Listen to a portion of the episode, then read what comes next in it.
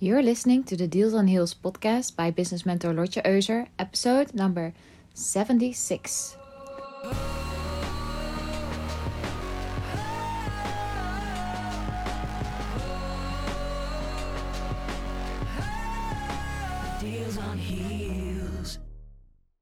Hello, welcome to this podcast. My name is Lotje Euser and I'm a business mentor for entrepreneurs and companies who want to fall in love with sales. Yesterday, I did something new. I went to a yoga class in the early morning at 7:30 and this is something that I've never done before. Usually I go to yoga in the evening, but I was up so early and thought what would feel great right now because it was that early and I didn't want to go to work yet. So I was wondering, okay, so what should I do with all this extra time that I have now? So I booked a yoga class, and I must admit, my body was not really ready. I felt kind of stiff in the beginning, like I couldn't even touch my feet with my hands, you know? And I kind of felt like I was as flexible as an 80 year old woman.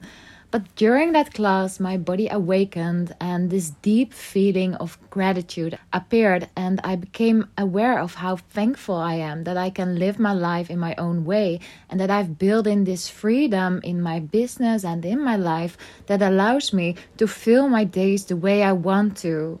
And that is so special because it's totally the complete opposite of how I was living my life a few years ago.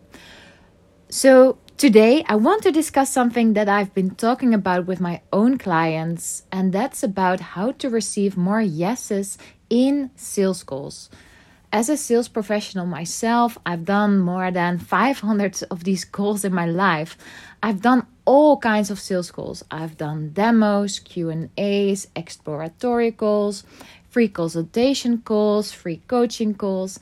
And I want to share my lessons with you today that might help you with your own sales calls as well. Because I want you to know that although I have done so many of these calls, I've had many different experiences. Some calls went great or bad or kind of meh, or some calls were surprising and others were disappointing. But that hasn't demotivated me to do these calls. That actually has motivated me to do even more of them and becoming even better in doing them. So I don't know if you currently do a lot of sales calls. I hope you do because if you ask me, they can be so much fun and personally they feel super special because of the potentiality that arises and the fact that somebody is willing to spend their time to sit with me and to discuss their business issues. And in my opinion, sales calls create so much opportunity when it comes to sales and they make the deal closing part so much easier. And at the same time, sales calls provide you with so many insights and you hear things and get so much information from your potential customers that you would n- have never been able to get from them through email or DMs.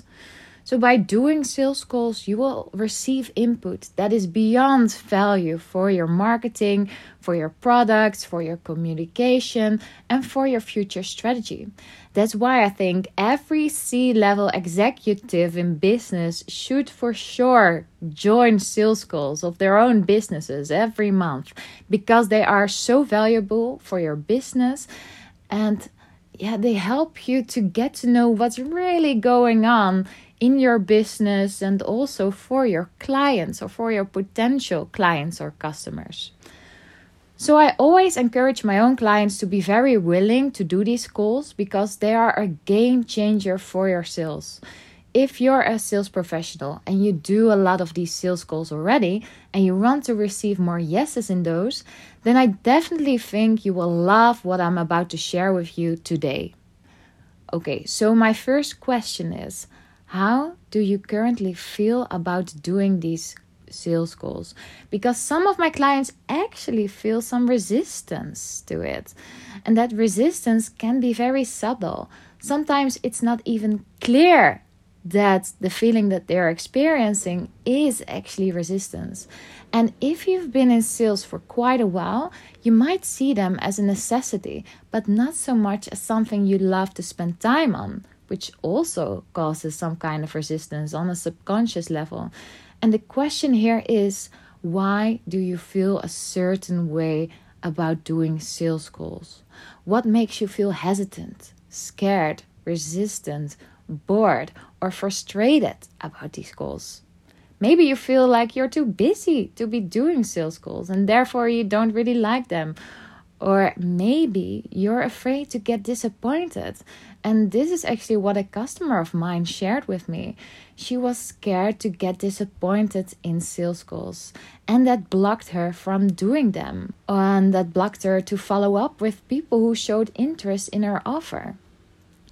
I believe energy plays a huge role here because if you go into a sales call with this negative feeling, then I believe your potential customer will feel that as well, which can lead to a less desired outcome, such as the customer holding back in sharing vital information.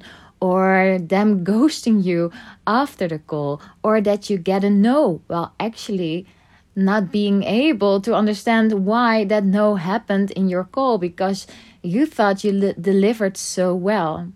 And then it's like a self fulfilling prophecy, right? You don't really like to do sales calls, and the sales calls you do don't really lead to the desired outcome, which confirms your feelings about sales calls in general. So let's go back to the basics. Why are we actually doing sales calls? I see sales calls as the perfect opportunity to explore what's possible for a potential customer. And this may sound counterintuitive, but the goal of a sales call is actually not to get a yes from the customer. It's not your responsibility to make the customer say yes.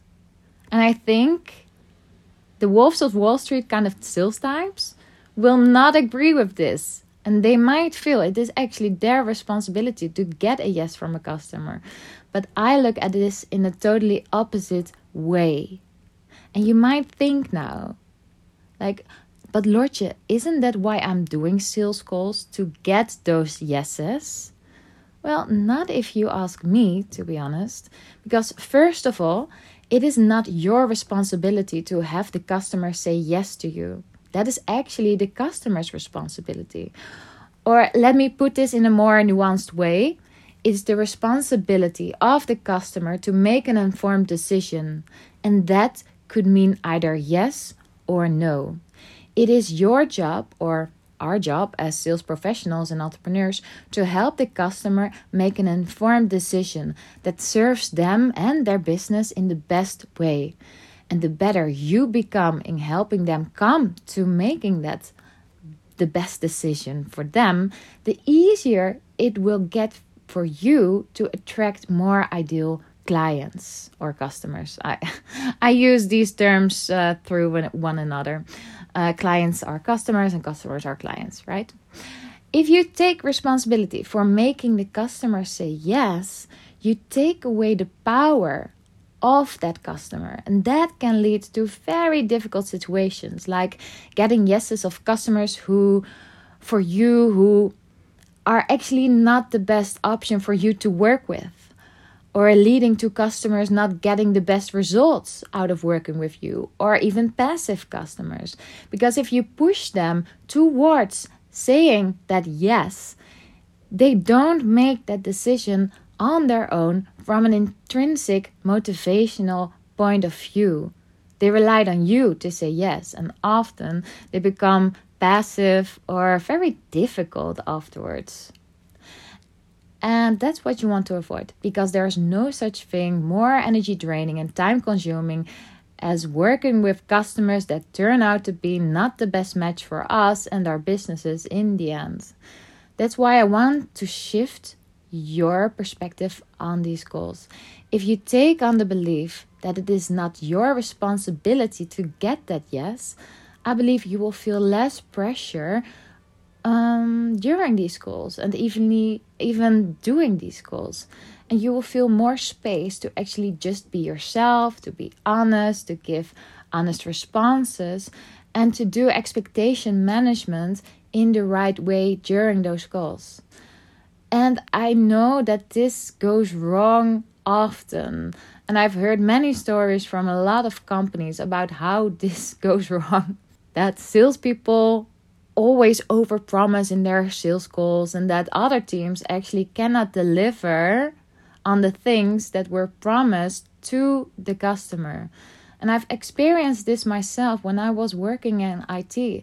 I saw salespeople in other departments making such big promises because they were so eager to get that yes from the customer and being very short term minded. And that led to very difficult situations for the teams that actually had to work with the customer and had to deliver on those expectations.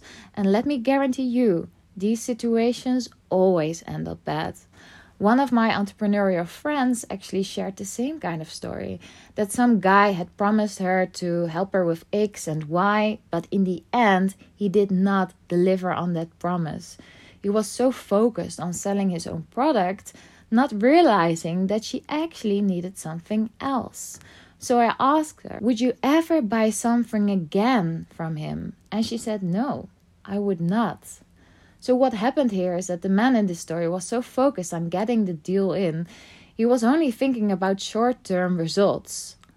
Instead of focusing on how can I even get better results for both the customer and me in the long run.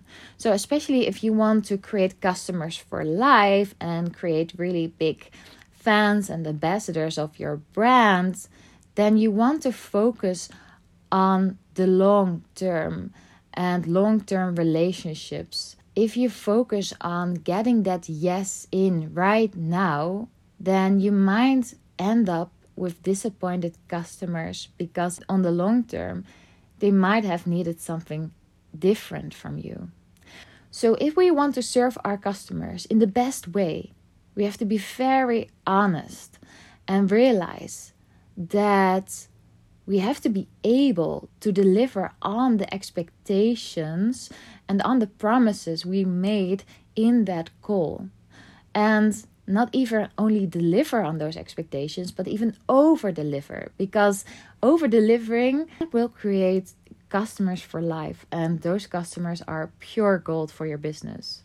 I want you to avoid those situations where customers end up disappointed because they do more harm than good. And even though, you know, you made some money and you got the deal in, if it didn't turn out really well or didn't create really satisfied customers, I think you're focusing on the wrong things. So, okay, you now know that it's not your task to get a yes, and that the way you feel about these sales calls will determine also the outcome of these calls and that you really have to focus on helping the customer make the best decision for their situation instead of only focusing on getting that deal in. So, how can you help your potential customers in the decision making process? Well, the answer is by asking a lot of questions and listening really well. And I've talked about this in one of my previous episodes that we need to listen to be able to really hear what the other person is saying. And not only listen for the sake of responding, but for the sake of understanding. It's so easy to assume you know exactly what the other person is talking about, but you never really know until you get the confirm on your assumptions from the customer himself. And I don't want to dive too deep in this topic because I've already talked about it in a previous episode. But what I want you to know is that every sales call that I do with a customer, I try to avoid making assumptions. I want to stay as open as possible and as curious as possible. And the more experienced you are in sales calls, the harder this gets actually because you might talk to a customer and you've done so many calls before and the customer says only two words and you assu- assume instantly like oh yes i know exactly what you're talking about i've heard this so many times before but please don't fall in this trap because you never know for sure until you actually know for sure and have the customer confirm your assumptions. But to become sure, ask a lot of questions in your sales call and create room and a safe space for the customer to share his point of view and to share his story. So you want to really leave room for thoughts and silence. When you try to solve the challenges of your customer instantly or offer too soon, you might miss out on opportunities that weren't even discussed because you jumped into the solution too fast and you might miss a vital piece of information for offering the right product and this might have you end up in offering a product that is actually not the best match for this customer uh, situation what I also want to ask you is to look at your previous sales calls and wonder what happened there and how can I improve next time. Discuss your calls always directly with your coach or even record them um, because that is a great way to learn and improve on your own sales calls. Because I know that sometimes it can be hard to get a grasp on what really happened in the call and we often think we did X, but actually, when we look really in an honest way to ourselves and we um, listen to the recording of our call, we often notice that something totally different happened. We all have our blind spots, and there are so many lessons to learn from your previous sales calls. So don't hold back in reflecting on them and see where opportunities lie for you to improve on these calls. And let me tell you, there is absolutely no shame in admitting that you can improve on your sales calls. I reflect on every sales call I do myself, and I think that every sales professional or entrepreneur should do the same and should always keep on wondering like hey what can i improve here? What happened here? And how can i perform even better next time? And how can i serve the customer even better next time? Because that will ultimately lead to getting more yeses from the customer that are actually the best match for us and our businesses all right, I hope you enjoyed today's episode. One thing that I want to mention is I will be organizing an online lead generation training of 90 minutes next week on Friday, the 22nd of September. This live training will be in Dutch and will be all about how to do lead generation for selling low, mid, and high level offers in the online space. And if you're interested, then please go to my Instagram and sign up through the link in bio or ask me directly for the link via info at lotjeeuser.com or on LinkedIn. If you want to share something about this episode, please feel free to do so. I always love when you guys share your thoughts with me. All right, I wish you an amazing weekend and talk to you soon.